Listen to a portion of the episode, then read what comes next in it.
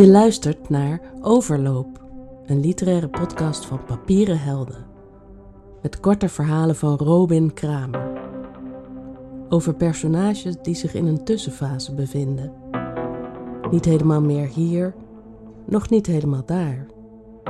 De verhalen spelen zich af op overlopen, vliegvelden, hotelkamers en andere tussenzones. De podcast werd mede mogelijk gemaakt door het Nederlands Letterenfonds.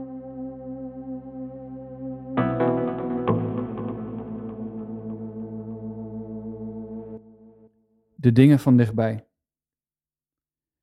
Jona drinkt uit het wijnglas met de dolof dat hij er een poosje geleden op heeft gegraveerd. Het is een eenvoudig labyrint. Als hij het niet meer binnen vijf seconden op kan lossen, is hij te dronken en mag hij niet meer bijschenken van zichzelf. We zitten in de schemerige achtertuin te wachten tot de zon ondergaat, zodat we met de telescoop naar de maan kunnen kijken. Dat graveerapparaat heb ik hem jaren terug voor zijn verjaardag gegeven. Soms graveert hij de lege flessen die er van een avond als deze overblijven. Westernlandschappen met cactussen en tuimelaars, hartjes en ankers, kleine gedichten voor zijn vriendin. Zijn vriendin woont in de buitenwijk van Parijs in een kamer boven een ondergrondse parkeerplaats. We konden een keer een paar nachten blijven slapen, ik en mijn eigen vriendin. De hele nacht bleven er mensen de parkeergarage inrijden waardoor de vloer begon te trillen en je langs de randen van het rolgordijn het strijklicht van de koplamp op het plafond kon zien. Het was een nare wijk, maar het idee dat er met elke auto weer iemand veilig thuis was gekomen, kalmeerde me op de een of andere manier. Als we te veel hadden gedronken, begon Jona over haar te vertellen. Soms over zijn vader, meestal over haar. Dat ze weer ergens een vernissage had met een aansluitende QA. Een interview met een obscuur blaadje of een aankoop door een Zwitserse verzamelaar. Ik heb de neiging jaloers te zijn op succesvolle kunstenaars. Maar soms zijn de details van die werelden zo specifiek dat ze vaag worden of zo. En dan valt het wel weer mee met de jaloezie. Als het geld op is, komt ze voor een paar dagen terug naar Nederland om een poosje bij Jona te wonen en olijven te eten in de smalle badkuip daar. Ze zien er dan gelukkig uit samen, dat valt niet te ontkennen. En wie zegt dat je altijd gelukkig moet zijn?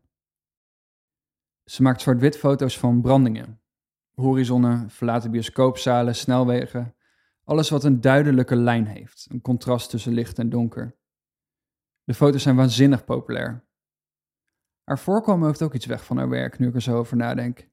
De vroeggrijze haren die ze trots draagt, ogen die gelig rondom de irische kleur en een lichaam dat zich vluchtig door ruimtes beweegt, als een zilvervisje.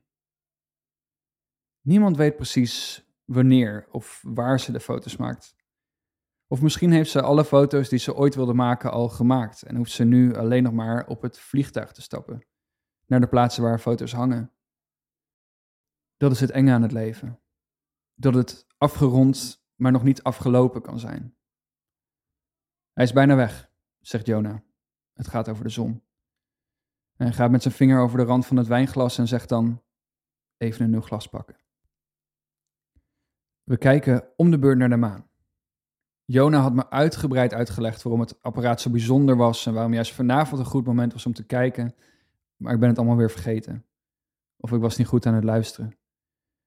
Terwijl ik kijk, realiseer ik me iets. We zijn niet onder de indruk van de maan. Eh, het is dezelfde maan waar we altijd naar kijken. Het is vanwege de telescoop dat we uiteindelijk zo onder de indruk zijn. Het vergapen komt niet voort uit de inherente kwaliteiten van de maan, maar uit de kracht van de telescoop om hem dichterbij te brengen. Als ik dit uitleg aan Jona, uh, wild gebarend wat losser door de wijn, luistert hij aandachtig. Dan zegt hij, ik snap wat je zegt, maar nee. Hij zegt, ik vind de maan gewoon mooi. We lopen door de wijk. De nacht lijkt bijna geen temperatuur te hebben en de maan, zojuist nog zo dichtbij dat het leek alsof we hem op konden pakken, is nu ver weg en nevelig. Jona heeft zijn hoofd voorover gebogen, zet soms een voet verkeerd neer terwijl we langs de verzamelde voortuinen wandelen.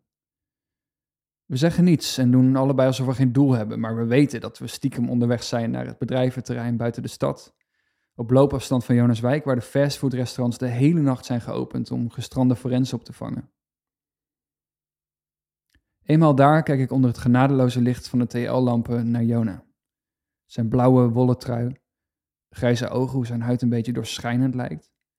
En ik kijk opzij naar ruit met daarachter de parkeerplaats, een handjevol auto's, de straatlantaarns en ik zie ons zitten.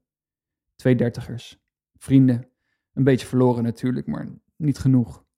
In lichamen die eruit zien alsof je er zo'n hand doorheen kunt steken.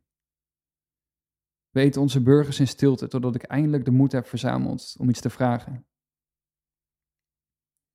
Ik kom voor mijn gevoel net uit Parijs, zegt hij. Ja, zeg ik. En dan vraag ik, komt ze dan misschien weer een keer deze kant op? Jona kijkt naar buiten. Kerst misschien, zegt hij. Kerst, zeg ik, en volg zijn blik. Weinig te zien, alleen de dingen op precies de afstand die ze in werkelijkheid hebben. Ik denk aan kerst, aan de grote verlichte boom op het kerkplein, aan mijn vader met een boek bij het haardvuur, de geur van roomsaus en ik denk aan de kleine lichtgevende bolletjes die ze dan bij ons in de straat aan de vlaggenstokken hangen. Mijn vriendin wil dit jaar ook meedoen, met de bolletjes. Ze zei, bijna iedereen doet mee, behalve wij. Ze zei, we kunnen niet nog een jaar achterblijven.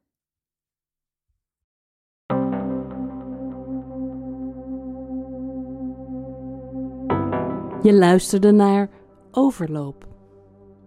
Deze podcast werd mede mogelijk gemaakt door het Nederlands Letterenfonds.